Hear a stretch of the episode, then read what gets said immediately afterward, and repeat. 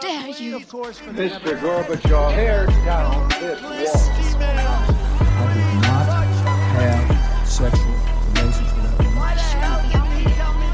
Read my lips. Hell yes, we're gonna take your AR-15. Well, it's your waiting AK-47. I have a dream. Thank you. Ja, da er vi tilbake, Harald. Eh, og i dag så um, starter vi en lang måned med bursdagsfeiringer. Ja, det gjør vi. Eh, Vi, eh, vi elsker jo eh, høsten, fordi da er det bursdagsfeiring. Og eplehøst. Og eplehøst, ikke minst. Det er vel den beste tida. Det, det skulle bare mangle. Det er, det er jo en god anledning til å spise fem om dagen. Da er det jo, da er det jo først og eh, egentlig Vi starter med det viktigste egentlig i dagens podkast. Hvordan har det gått med Jonagold? Eh, Det har gått, det har gått veldig bra. Eh, Ja. Jeg spiste Jonagold eh, så sent som i, eh, til lunsj eh, i dag. Oi, oi, oi. Eh, Og det smakte helt eh, fortreffelig. De, de, takla, de takla våren og kulda og hele sommeren bra. Ja, de, sånn, sånn halvveis. Det kunne vært en god del bedre. Men eh, de, eh, det hang noen epler på, så eh, en får ta det en får. Ja. Jeg må det. Men det er som sagt eh, Ja, jeg, jeg veit jo ikke jeg åssen det er å være eplebonde, men eh, Nei, det får jo får, skulle bare visst. Ja, får jo noen inntrykk. Det er jo Men det er ikke alle oss som kan ha gods. Men eh, det er eh, bursdag, og vi er litt på etterskudd i oktober. Ikke så mye, egentlig. Eh, men det er et, et land eh, ja, egentlig som har bursdag, men det er, markerer egentlig en veldig viktig hendelse i europeisk historie. Og eh, det er jo da Tyskland. Og hvorfor må vi feire det, Harald? Eh, jo, eh, Tyskland er verdt eh, en, eh, en stor feir, feiring. Deutschland über alles, eh, som, som alltid. Eh, og det er rett og slett fordi at denne høsten her, i oktober, så er det så er det 30 år siden eh, Tyskland ble gjenforent. Eh, og det er eh, en stor eh, europeisk eh, begivenhet, eh, og eh, eh, det er en god anledning til både å se litt eh, bakover i tid, hva var det som var årsaken til at Tyskland eh, ble delt, Mm. og sammenslåingen av Tyskland hadde også stor, eh, har hatt stor betydning for eh, den politiske utviklingen i Europa de siste eh, 30 årene. Mm. og i tillegg så, så er det også en god anledning til å, å sammenligne ulike eh, styreformer, autoritære og demokratiske styreformer, siden eh, Øst-Tyskland eh, var eh, autoritært, eh, og Vest-Tyskland eh, et demokrati. Mm. og nå het jo Øst-Tyskland DDR, eh, og eh, det sto jo for Deutsche Demokratische eh, Republikk. Eh, og det var jo et, eh, et sikkert kjennetegn på alle de eh, statene som kalte seg demokratier. Da kunne man være ganske sikker på at eh, det var det ikke. Eh, Nord-Korea heter jo eh, den koreanske demokratiske republikken. Ja.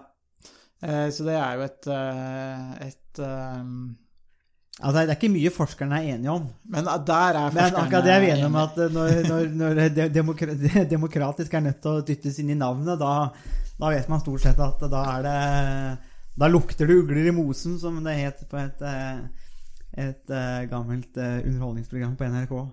Uh, Hvis noen har sett det. Eh, Det er en litt sær referanse, men noen vil sikkert ta den. Eh, Jeg tror du må opplyse til og med meg om eh, hvilke TV-program det Ja, det var eh, Jeg, jeg, er nesten nødt til å google sjøl òg. Men det var jo da en, en ene karakteren het jo da Kenny Coven. Eh, og han sa at her lukter det ugler i mosen. Uh, og det var, det var en gammel, litt sånn sær, sært program på NRK, men uh, sikkert tilbake på 90-tallet òg, vil jeg tro. Men eh, det var jo eh, for så vidt moro. Men eh, hvis vi tenker litt mer eh, på dette med Tyskland For det er klart at det, det bor jo folk Eller det lever jo mer fortsatt mennesker eh, i Norge og rundt omkring som, som, husker et helt annet Europa enn det vi lever i i dag, og som vi langt på vei har tatt for gitt. Og det, på den måten så kan vi jo måtte starte litt med måtte, situasjonen etter, altså, etter andre verdenskrig òg, For eh, det er jo ingen som kan krig bedre enn enn Europa. Altså, Det er jo ingen som er bedre til å drepe hverandre enn europeere. Det er jo stort sett det vi har drevet med i I 500 år, minst. Det har, Ja, vært, minst. det har jo vært en eh, Man kan jo si i og for seg 2000 år, for den saks skyld. Men ja, eh, en aldri så liten hobby. det har vært en folkesport. Mm -hmm. Det skulle hvis, de, eh, hvis olympiske leker hadde kommet fra Vest-Europa, så hadde det egentlig vært eh, kunne man egentlig kalle det krigslekene, for Ja. uh, det er stort sett uh, krig man har drevet med uh, i, i Europa. Kan i og for seg si helt siden folkevandringstiden etter at uh, Romerriket gikk i oppløsning på 400-tallet. Mm. Så fra folkevandringstiden som, som oppsto i århundrene etter, Mm. som i og for seg også er opprinnelsen til etternavnet mitt, som kommer fra en bygdeborg fra folkevandringstiden som ligger eh, på en ås rett bak eh, gården. Eh, og jeg er den som bor i bunnen av borgen, eh, som sikkert sier noe om eh, hvilken, eh, hvilken ende av rangstigen Ja, det var, var, var i hvert fall nærme borgen, da. Det var nærme, eh, heldigvis. Ja. Så jeg har jo da vært eh, den heldige eier av en bygdeborg helt fram til eh, Ja, Helt fram til eh, Ja, når var det? Onsdag, Ja. eller noe sånt noe. Da mm, Skal vi se. Jeg tror det var på onsdag. Så nå har du ikke det du sier nå, at du har ikke din, eh, din personlige borg lenger? Det stemmer. Ja.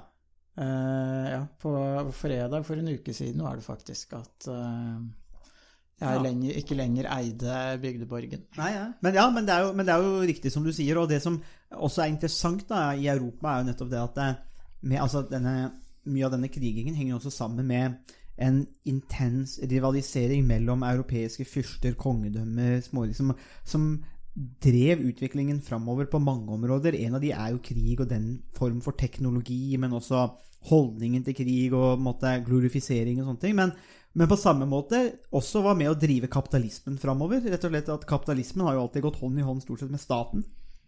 I, I stor grad, men også dette med krig, fordi at det handler om å finansiere og, og sånne ting. Så det er en måte en veldig sånn kompleks sak, egentlig. Men krig har jo vært en del av europeisk virkelighet. Det er jo poenget. Eh, og etter 1945 så ligger jo på en måte Europa i ruiner eh, etter den andre verdenskrig. Og da blir, blir det jo tatt noen grep, og en av de grepene er jo rett og slett at eh, de allierte, men også Sovjet, deler Tyskland. Deler de to.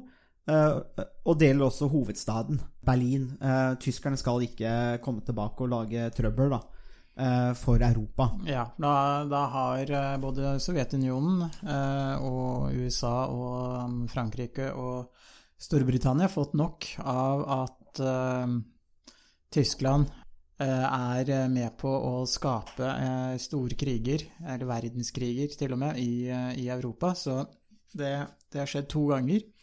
Og det vil man eh, unngå for en eh, tredje gang. Så etter eh, at Hitler-Tyskland kapitulerte på,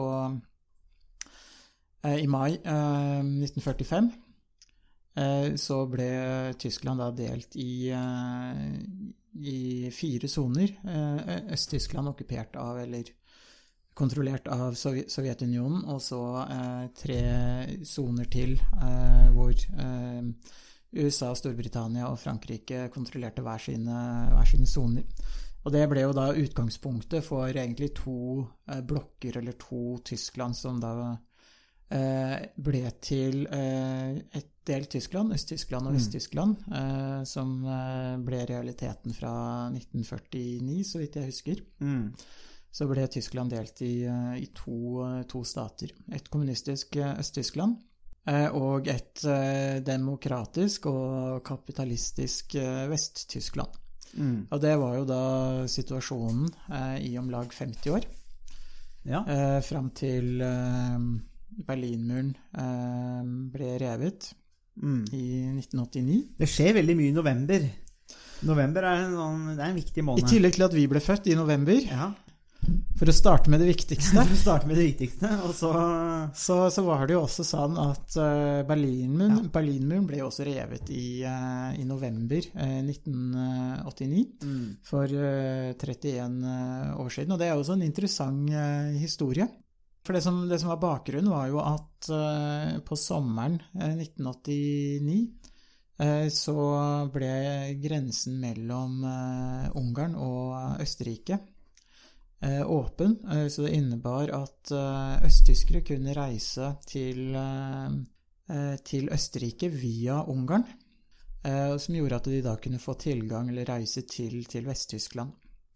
Eh, og der er jo, er jo så delingen av Tyskland innebar jo også at familier og venner og um, alle måte sosiale bånd og relasjoner ble jo egentlig i praksis eh, delt i to, eller uh, kuttet i to. Så det innebar at østtyskere kunne, kunne på den måten få tilgang til, eh, til Vest-Tyskland. Eh, og i løpet av sommeren og høsten så var det flere og flere østtyskere som benyttet seg av den eh, muligheten. Og etter hvert så ble det da et, et stort press på Øst-Tyskland å gjøre noe med, med, med muligheten til å reise til, til Vest-Tyskland. Mm. Og det innebar at Erik Honecker, som hadde styrt eh, Øst-Tyskland eh, svært lenge, ble erstattet av en eh, mer Litt mer sånn hardliner, eller en som hadde en, et sterkere ønske om å opprettholde Øst-Tyskland og hindre muligheten til å reise, reise til Vest-Tyskland, og det var da Egon Kranz, var det det? Ja, Krenz, Egon Krenz. Ja. Og han ble jo også da, også etter gjenforeningen da, på 90-tallet, eh, dømt for medvirkning til drap på flyktninger da, eh, i del av arbeidet, og slapp faktisk ut i 2003. Det var en ganske lang, eh, egentlig en ganske lang eh, straff. Han, han satt ikke inne fra 1990, men eh, så han ble egentlig dømt Han egentlig seks, og et halvt år satt inn i fire år, da. Men han er uansett dømt for det, altså, eh, medvirkning der, eh, og det sier jo på en måte litt om hvor hard hånd eh, Eller hvordan de forsøkte å tvinge folk da, til å holde seg i, i, i Øst-Tyskland. Eh, og det er jo Jeg har jo Jeg har jo en stor fascinasjon for Øst-Tyskland. Og særlig den Ikke, ikke, ikke, nødvendigvis fordi at det er en sånn veldig fa fa fantastisk flott stat. Eh, bortsett fra at de hadde en veldig fin nasjonalsang. Du kjører jo fortsatt eh, Drabant. ja, ja, ja, ja. Jeg, jeg kjører drabant. Putter det rundt her og, som går på parafin. Du kan nesten eh, fyre, fyre den opp med ved. Ja, det er, det er Hvis det er litt eh, god furuved fra Nesbyen, så er det bare å ja, Eller epletrær fra Råde. Det, det, det det, det, fungerer knatrer veldig fint på, på, på gamle E6-en. da. Ja, da får du, får du drabanten opp i en 70-80 km i Ja, nedoverbakke. Ja. Ja, i nedoverbakke.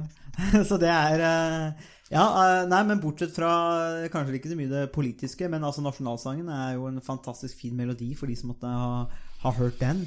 Men Den har jo du spilt i korps i alle år. Nei, jeg har faktisk aldri fått spilt den i korps. Men det som er utrolig eh, spesielt når vi snakker om Tyskland og korps, så er jo det at tyskerne er jo ganske store på marsjmusikk. Og det som er litt latterlig, er jo det at vi spiller jo mange marsjer Jeg spiller jo korps fortsatt, og du spiller jo marsjer da 17. mai. Er jo en måte den store marsjdagen. Og i svært mange deler av Norge så spiller vi jo tyske militærmarsjer som Wehrmacht og marsjerende inn i Norge. Men som vi bruker på 17. mai, da, for det er jo fine marsjer, men vi tenker liksom ikke noe over den. Det, det er jo et, et, et godt eksempel på um, kulturell appropriasjon. eh. Ja. Jo, ja, faktisk. Så det er hender at vi har spilt marsjer vet du, som heter sånn under dobbelt ørn. At, det er sånn, du, altså hvis, hvis du begynner å tenke på hva det navnet er, og hva den marsjen er brukt til, og du spiller den 17. mai, så er det litt sånn ah, eh, Kanskje ikke det, Det er bare Hitlerjugend som mangler da, så Ja. er det komplett. under, under dobbelt ørn. Ja, men det er fin marsj, da. Eh, så musikken er jo, det, er, det, er jo det viktigste, tross alt. Men det, eh, men det som jeg syns er veldig fascinerende med Øst-Tyskland, og du har snakka litt om det, er at vi, vi får jo denne delingen.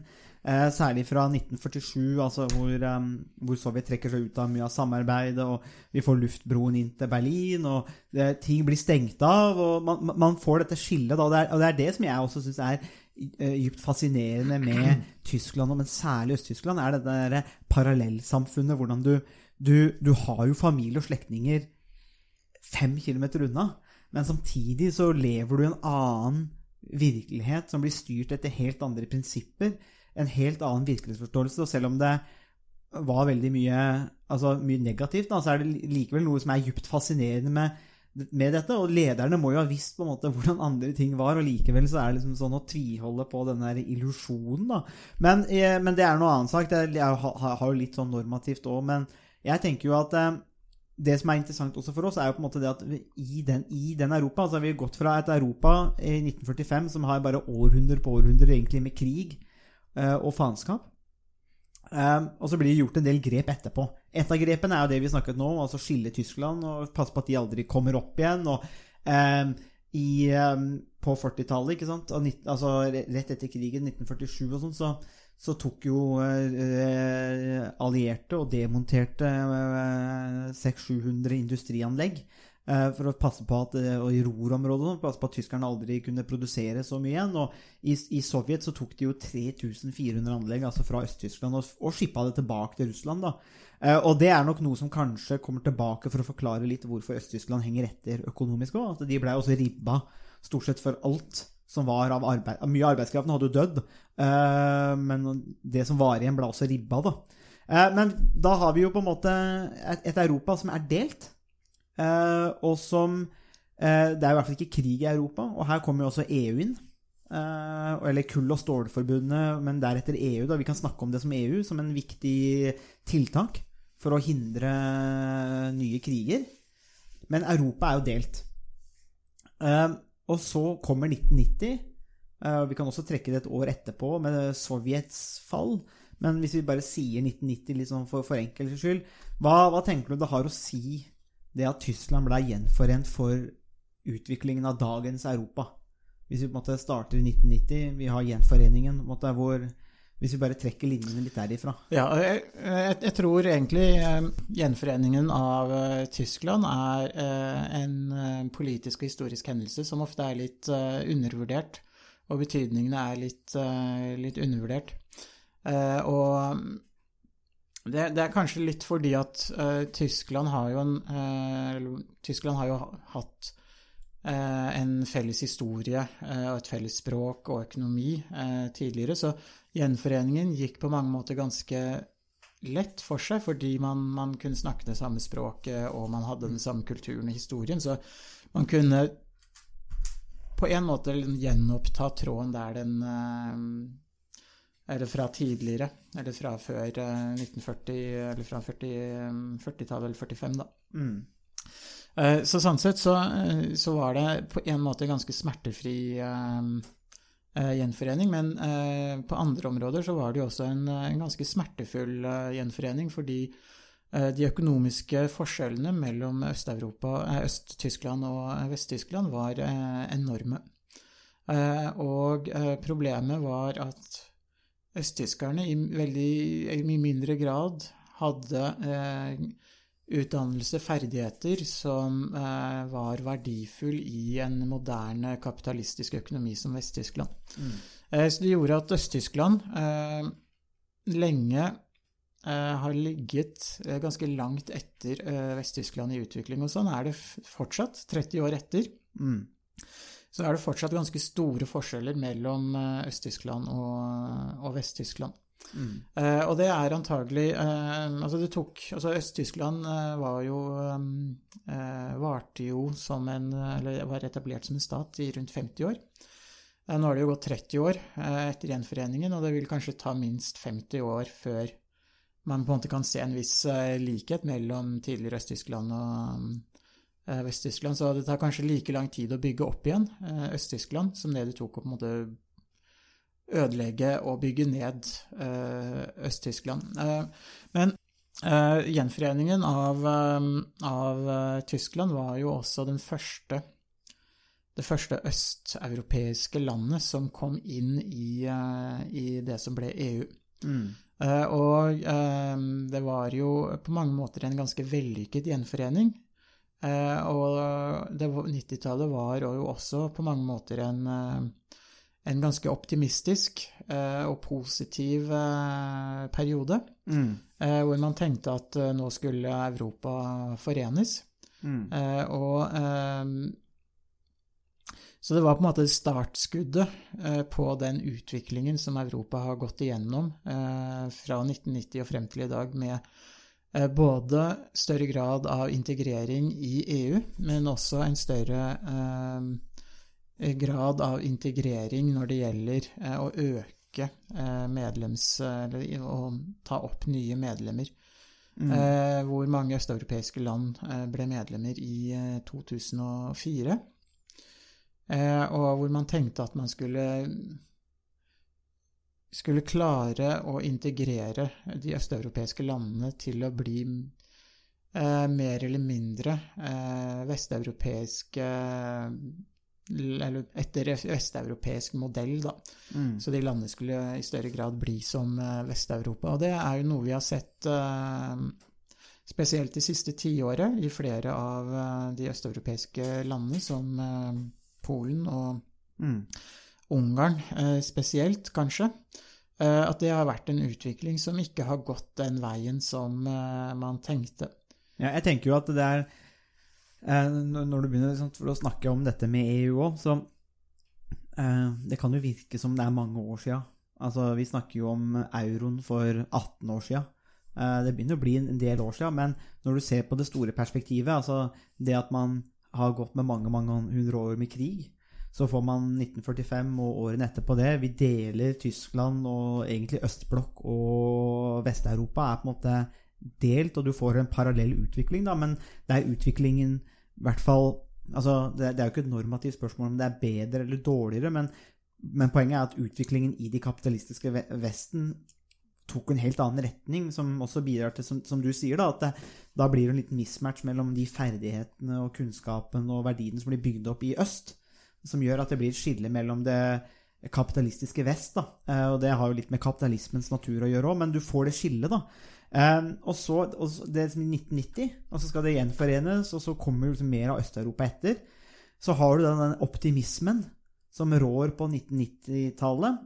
Eh, og den er egentlig og, og for oss som studerer internasjonal politikk, så er det litt sånn eh, interessant å se på. Norge, for eh, bestemmer seg jo da for å gå inn som fredsmekler, da, eller gjør diplomati, for nå er det åpna seg et rom for det. Så Norge gjør det til en prioritet, og vi får vinter-OL, og det er veldig sånn feel good i Norge, og det er veldig mye optimisme, og den, det gjelder i mange andre land òg. Og, og så ser man Europa denne utviklingen. Men når du ser på det i et lengre perspektiv, så er det egentlig ganske drøyt hvor fort det går fra et atskilt, blokkert Europa i 1990 til en nærmest fullskala integrering av et kontinent. Altså på 20 år. Ja, som, altså- som i århundrer har vært i krig. I et halvt århundre har vært delt. Og så skal vi bare ha integrering. Det er jo egentlig helt fantastisk. Altså, det er helt ja, vilt hvor fort det går. Ja, ja absolutt. Og det som um, Altså, 18 år, som du var inne på med euroen, og man kan jo si 20-30 år med den utviklingen eh, som, vi, som Europa Eller den integrasjonsprosessen som Europa har vært igjennom da, de siste 30 årene. Altså, i, I mange historiebøker så vil jo den eh, perioden egentlig bare avskrives med et lite avsnitt eller noen få eh, linjer. Eh, så sånn i, et litt stort eh, perspektiv og et historisk perspektiv så tenker jeg vi ofte er litt utålmodige. Vi vil at forandringer skal gå veldig raskt. Eh, Men hvis, er, hvis man ser på historien, så ser man at mange prosesser de tar lang tid. Eh, Man har ofte tilbakeslag, eh, og det har man jo også sett i Europa de siste, siste årene nå, at de liberale verdiene egentlig både i Øst-Europa og i Vest-Europa har vært i, vært i tilbakegang. Og det betyr ikke nødvendigvis at liberale verdier og demokratiske verdier er i tilbakegang permanent. Men det innebærer at eh, de, eh, de liberale og demokratiske verdiene i hvert fall er midlertidig i, eh, i tilbakegang. Så eh, man ser at den utviklingen som mange hadde sett for seg, kanskje ikke går så raskt som man ønsker, men i et litt større perspektiv så, så er det ikke sikkert at vi, eh, vi har nødvendigvis har grunnlag for å virkelig eh, måtte egentlig klage over at ting går for sakte. Det kan hende det, det, det, det tar den tiden som, eh, Mm. som er nødvendig. Ja, det er, og det er jo det, det, det tenker jeg det, det er ingen tvil om. Og det er klart at jeg tror også at eh, kanskje vi er utålmodige i vår vurdering, eller hva vi forventer av ulike politiske prosesser. Så, men det er klart at når det kommer til kanskje EU, så kan det godt hende at de faktisk har beveget seg for fort eh, i sitt arbeid. Kanskje de også har gapt over for mye. og at eh, slik at det blir sånn forvent, Man har forventa for mye av noe. Samtidig som når man vurderer det, så vurderer man det i altfor kort perspektiv. Da, og det er kanskje litt av prosessen. Men, men det jeg tenker da, eh, for å knytte det her fordi at eh, gjenforening av, Europa, nei, av, eh, av Tyskland er veldig viktig ikke bare for Tyskland, men for Europas utvikling. Det er på en måte det vi har pekt litt på. At eh, når Tyskland blir gjenforent òg, så setter også det på en måte i gang, og Sovjets fall og sånn, så setter på en måte det i gang en større utviklingsprosess i EU og med Europa og EU, som skaper det Europa vi på en måte langt på vei er vant til i dag. da.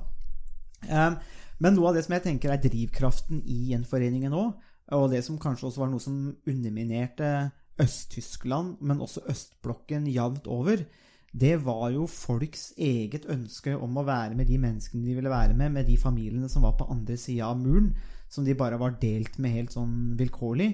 Eh, Det at eh, man ville reise og møte andre kulturer frivillig, men man ville oppsøke andre ting frivillig, man ville ha den muligheten til å reise, høre på vestlig musikk, eller musikk, egentlig, e- musikk fra hvor som helst, bare at eh, i, i østblokken så ble det styrt.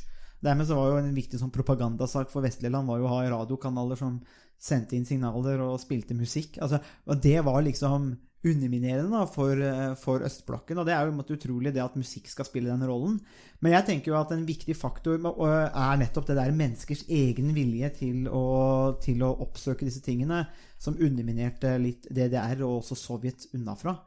Eh, Jeg tenker om det kanskje kan ha noe å si noe om hvordan vi tenker måte, på dagens Europa òg. At, at kan gjenforeningen av Tyskland og den tradisjonen, da, hvis jeg har rett, eh, si noe om verdien av den litt mer åpne flyten kanskje av mennesker? Da, at det faktisk har en veldig viktig verdi.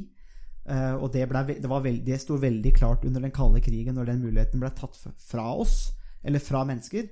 Mens nå så kan vi reise stort sett hvor vi vil, og da ser vi kanskje ikke nødvendigvis verdien av de, de, den åpenheten. Da. Ja, jeg, jeg tror du er inne på noe eh, veldig viktig der. eh, for det, det som eh, Det som jeg tenker at du peker på nå, er jo egentlig det at i Øst-Europa så var man nødt til å tvinge folk til å, å, å være i det landet de, de eh, ble født i.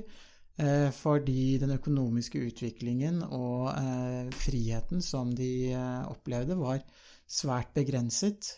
Eh, og eh, det innebar at mange hadde lyst til å reise til, til Vest-Europa, men forholdene i Øst-Europa var såpass vanskelige at, eh, at myndighetene måtte tvinge, tvinge, tvinge befolkningen til å til å fortsette å være i, eh, i Europa. Så kommunistregimene i Øst-Europa innebar eh, en stor grad av tvang.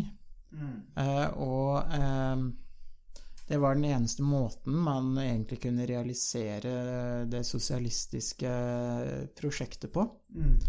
Eh, så det innebar eh, at man måtte, måtte fjerne mange rettigheter som, indi, som individet som in, man har som individ. Eh, og det var en av de store forskjellene mellom Øst-Europa og eh, Vest-Europa. I Vest-Europa så hadde man eh, tankefrihet, ytringsfrihet, forsamlingsfrihet. Man kunne være med de man ville. Alle disse rettighetene var borte i de sosialistiske kommunistlandene. Eh, Og det innebar at man måtte bruke stor grad av tvang eh, overfor befolkningen. Og det, når man må bruke statsmakten til å eh, tvinge befolkningen eh, til å, å gjøre de, altså gjøre det, de oppgavene som må løses i samfunnet, så er man i en veldig defensiv posisjon i utgangspunktet. Eh, og Altså, Sivilsamfunnet blir jo totalt borte her. Sivilsamfunnet var fraværende. Det var egentlig ikke noe annet samfunn enn det, måte, det såkalte sosialistiske samfunnet, som skulle gjennomsyre alle deler av eh, samfunnet for å skape et alternativ til eh, det kapitalistiske Vest-Europa.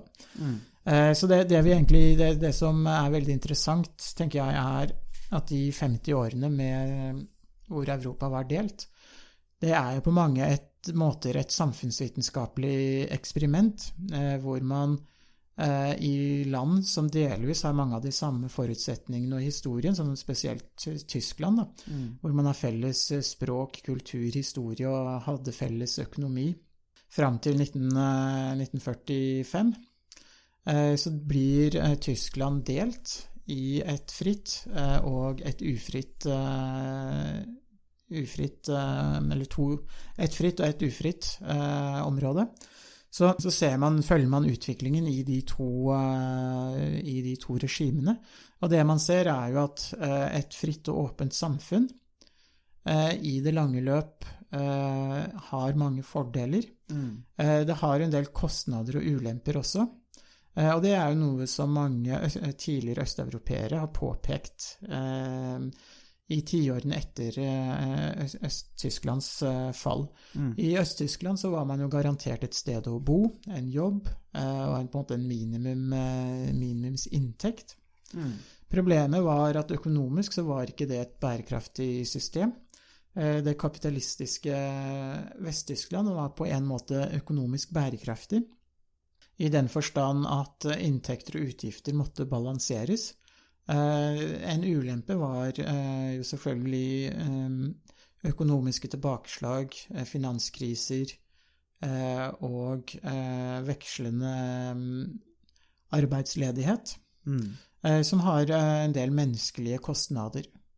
Eh, men likevel så, eh, så var på mange måter fordelene mye større enn ulempene. Man hadde høyere kjøpekraft, bedre levestandard, bedre helsevesen, fordi man hadde en, en større økonomi som kunne bære en større offentlig sektor, og bru, det at man kunne bruke mer på, på offentlig helsevesen også. Mm, Så tenker jeg ikke at det er jo ikke nødvendigvis det at eh, når du sier fritt og åpen, for det er jo enig i, og det- er jo ikke poenget her, tenker jeg òg.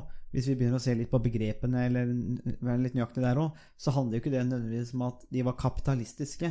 Men det vi ser f.eks. fra Sovjetunionen, var at de 3% av landbrukssektoren som var eh, private, da, eller det, eller, eller det vi i dag vil egentlig si normalt, da, egentlig som i Norge, ikke sant, for at det at du bare får lov til å være din, over din egen virksomhet det, De 3% produserte over 33 av all eh, landbruksprodukter i Sovjetunionen.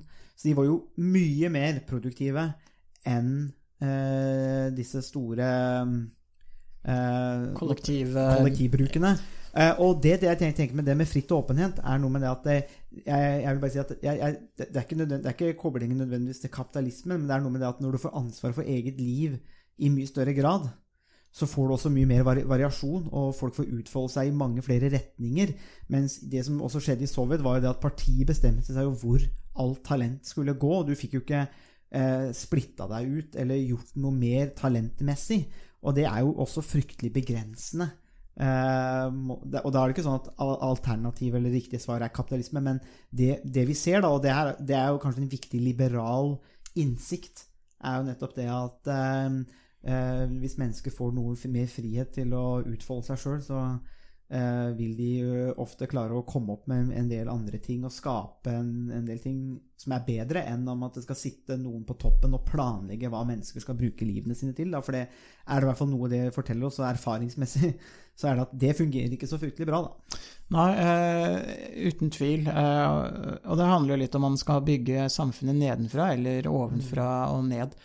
Eh, og det er jo en viktig distinksjon eh, mellom eh, Øst-Europa og, Vest-Europa i perioden etter andre verdenskrig. I Vest-Europa så hadde man muligheten til å bygge samfunnet nedenfra og opp gjennom et aktivt sivilsamfunn gjennom økonomisk aktivitet, hvor man hadde økonomisk eller frihet til å etablere de virksomhetene man, man ønsket. Mens i Øst-Europa så eh, skulle hele samfunnet innordnes etter sosialistiske prinsipper, og det skulle gjøres eh, gjennom sentral planlegging. Mm. Og man forsøkte å, å, å tre eh, et, en samfunnsmodell eh, ned over eh, hodet på, på mange. Tenk Eh, åssen podkasten vår hadde sett ut. Da, altså SOS det hadde vært eh, Sosialisme og enda mer sosialisme. Ja, det hadde, det hadde blitt det. Vi hadde, i hvert- vi hadde i hvert fall ikke fått lov til å diskutere akkurat det vi vil, sånn som vi faktisk har muligheten til nå. Nei, og det, og det er jo en kjempeviktig eh, viktig forskjell. Hadde vi vært på et, eh, et østtysk universitet i 1985, eh, så ville det være helt utenkelig å, å snakke om noe annet enn sosialismens fortreffelighet. Eh, Men du nevnte det med kapitalismens måte, sin rolle. Jeg tenker det er egentlig ganske interessant, for på en måte så, så er jeg enig i at det, det ikke, handler ikke bare om kapitalisme, men Eh, samtidig så var det kapitalismen som var på mange måter fienden til eh, kommunismen, eh, og man ville fjerne eh, kapitalismens eh, rolle og betydning i, i samfunnet. Så, så på, det, det som kanskje var Altså Kapitalismen spilte på en måte en større rolle for sosial, de sosialistiske regimene, i den forstand at det var fienden og det man ønsket å, å fjerne. Eh, og det man tenkte innenfor de sosialistiske regimene, var at man måtte fjerne alle spor etter det borgerlige samfunnet og etter kapitalismen. Og da måtte man eh, egentlig ta et sånt økonomisk eh, nærmest holocaust, hvor all eh, økonomisk aktivitet eh, og alle deler av samfunnet skulle eh, sosialiseres inn i et sosialistisk eh, system. Mens i, i Vest-Europa så er det jo også interessant at man hadde jo så det var, da, Man hadde jo i større og mindre grad eh, rendyrkede kapitalistiske modeller. Skandinavia er jo kjent for en slags blandingsøkonomi. Mm. Storbritannia har jo kanskje i større grad en, eh, en, sånn- litt mer rendyrket kapitalistisk, et kapitalistisk system.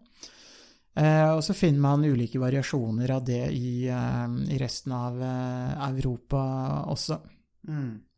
Så for Vest-Europa så hadde man kanskje et mer pragmatisk Mm. forhold til eh, markedet og kapitalismen som et økonomisk system. Mm. Eh, men det som eh, alle europeiske, vesteuropeiske land hadde til felles, var jo at man hadde stor grad av, eh, av økonomisk frihet, og det at man Så man hadde kanskje ikke noen sånn man var kanskje ikke besatt av begrepet kapitalisme, at man hadde noen misjonerende ønske om at Mm. verden, eller at Øst-Europa skulle være superkapitalistisk, men, men man så egentlig på kapitalismen som en del av økonomien og en del av samfunnet. Mm. Og så var det det det var, istedenfor at man ønsket å, å fjerne alle spor Mm. av en kapitalistisk økonomi som, eh, som man eh, forsøkte på i, eh, i Øst-Europa. Mm, ja, det tenker jeg er, er, et, er et veldig godt poeng. At det, det betydde nok mer kanskje for kommunistene og de autoritære regimene der og ha den ytre fienden, kapitalismen, som de for jo, og, du var jo litt inne på det i stad, at du, du får mange effekter. Det er klart at det, kapitalismen, uh, eller altså hvis vi sier da, og som henger sammen med industrialiseringen, også akkumuleringen av kapital, har jo en del destruktive krefter. Um, og skaper jo skiller, naturlig nok. Uh, og det er klart at den delen av analysen er jo for så vidt på, på en, noen måte korrekt. Da. Den skaper jo, og det gjorde den jo altså hvis man går tilbake 100 år eller 150 år, så klart du har klasser som er ikke har like rettigheter i Vesten heller, altså bare pga. økonomi, da.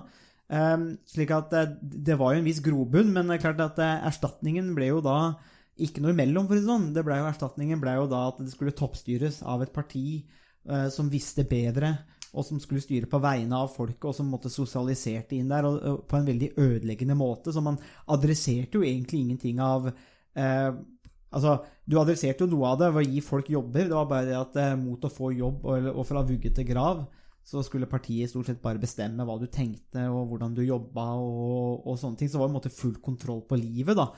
Eh, og det var jo mange som lei ganske stygt under disse regimene. Mens det er klart, det er mange som hadde det bra òg. Altså, og sånn er det jo med alle regimer. Eh, Det er, det er jo ikke sånn at alt Det er ikke undertrykkende for alt og alle hele tiden. Det var mange i Øst-Tyskland, som sikkert millioner av mennesker i Øst-Tyskland, som hadde det veldig bra. Som var godt oppe i partiet, og som hadde mer friheter. Og så var det mange på bånn som eh, led ganske mye. Eh, og Det gjør jo også at den dagens situasjon er ganske kompleks for Tyskland, hvor mange også vil tilbake til Øst-Tyskland fordi at de hadde privilegier og sånne ting innafor systemet. Eh, men, eh, så det er jo det er jo en en sånn kompleks sak, men likevel, da, 30 år siden eh, liksom det teppet gikk opp i Europa eh, Det er bare litt kortere enn det jeg har levd. Eh, og det er liksom ikke så lang tid. Nei, du er jo eh, nærmest eh, for tenåring å, å regne enda. Ja, det er eh, stadig vekk i opposisjon. Ja, ja det, det vet vi. så der er det blir aldri fred å få her. Er Slår med dørene.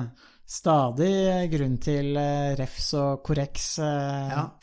Og det, det, det kommer jo da unge herr Lindahl. ja, det kommer jo da stadig vekk da fra nabokontoret. Da kommer det, kommer det kommer korreksen. Men, men, men likevel, når vi tenker på det, og det er kanskje en sånn avsluttende tanke liksom, for de neste 30 åra eller neste 50 åra liksom, at det, det har skjedd fryktelig mye. Og, det er- og, og det er jo ingen tvil om at det, det, er- jo ingenting som har roa seg i Europa. Og vi ser jo det på en måte nå i øst. altså eh, Dette med Ungarn og Polen og eh, mye konflikter mellom eh, Hellas og, ty og Tyrkia. og eh, EU er jo på en måte i konstant ubalanse, på en måte. Men, noen, men ofte så får man inntrykk av at EU er denne satte, faste organisasjonen. Men altså 18 år med euro i, i, i, i Tyskland, 12 år etter at de eh, var ferdig med kommunistene Det er egentlig ganske kort periode når du ser på, på den situasjonen. Så det blir spennende å se hva som skjer framover. Og kanskje det at det er litt uro i Europa, egentlig bare er normalt, hvis vi, hvis vi, hvis vi prøver da, å ta et litt større perspektiv.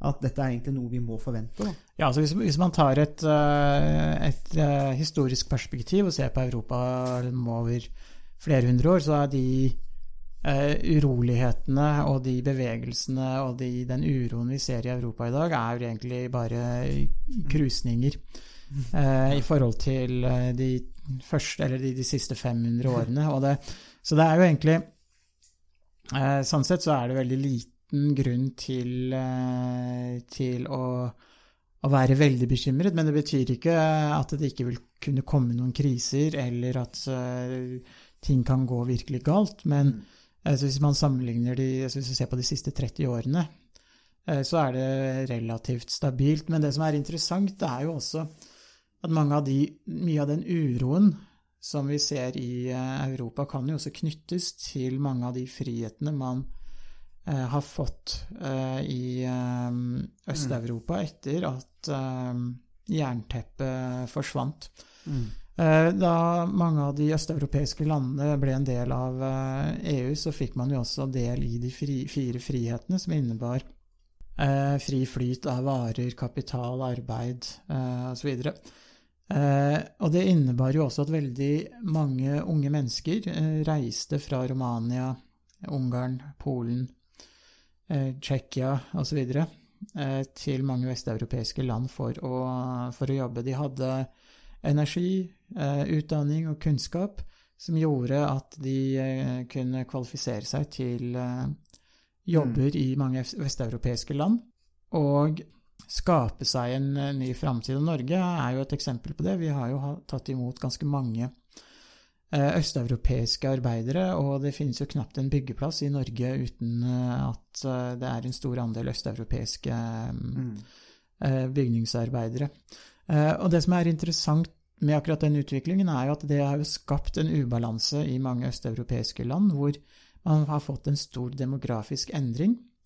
Mange unge mennesker har eh, emigrert til Vest-Europa, eh, noe som har gjort at man har fått eh, lavere fødselstall. Fordi de unge menneskene som eh, flytter ut, de får jo da barn eh, i Storbritannia, i Norge, Tyskland og andre steder hvor de jobber. Eh, og det har jo også betydning for, at, for den økonomiske veksten i eh, mange østeuropeiske land, hvor man får en aldrende befolkning som i større grad er avhengig av en sterk stat, eh, og eh, pensjoner som skal eh, dekke deres livsopphold når de blir pensjonister. Og det er også noe av det som, eh, som kan være med på å, å forklare eh, noen av de illiberale tendensene man har sett i, i land som Polen og, og i, eh, i Ungarn, eh, hvor mange unge flytter ut, eh, og eh, det skaper en uro i befolkningen, og man ser at samfunnet endrer seg ganske raskt, som et resultat av at man har nettopp fått den friheten som man egentlig ønsket. Mm. Så man har jo byttet trygghet med, med frihet, og den friheten eh, skaper en del uh, usikkerhet uh, og uro. Eh, og det er jo egentlig en av de store utfordringene til EU i dag. Hvordan er det man kan, eh, kan forsøke å redusere noen av den, eh, noen av, noe av den usikkerheten som, eh, og uroen som man finner i mange østeuropeiske land. Eh, og som ikke det var nok, så har man jo også fått en eh, økende grad av uro eh, og populisme i mange vesteuropeiske land også. Eh, som, har, som også er et resultat av eh, at man har stor grad av frihet. eh, både politisk og økonomisk frihet. Eh, spesielt da etter finanskrisen, som, eh, som skapte eh, egentlig eh, nye, ny uba, økonomisk ubalanse, og som, eh, eh, som egentlig ble et Perioden etter ble et tapt tiår, hvor man hadde svak økonomisk vekst. Eh, og hvor mange unge befant seg i en mer sårbar situasjon. Mm. Eh, og som da igjen også hadde, bety som, som hadde betydning for den eh, framveksten av populisme som man har sett i Storbritannia, men også i andre land som, eh, som Frankrike og, Mm. og andre steder.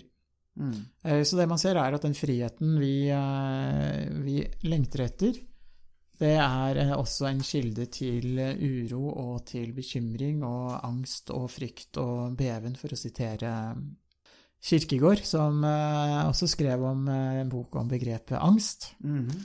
Eh, Men eh, Så der ser vi hvordan, hvordan friheten også er med på å undergrave egentlig fundamentet for, for friheten i seg selv.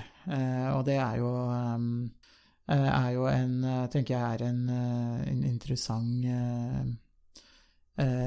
konsekvens av at vi lever i åpne og frie samfunn. Ja. ja, Europa er kanskje Tyskland og Europa er kanskje, er kanskje gjenforent, men uh, ikke enige om veien uh, framover. Vi er gjenforent i en felles angst uh, og uro, om ikke annet. Det var det vi hadde å by på i denne ukas episode av Statsvitenskap og sånt. Musikken er komponert av Robin Horvath, og Thomas Focolato står for miksing og redigering. Du finner oss på Facebook, bare søk på Statsvitenskap og sånt.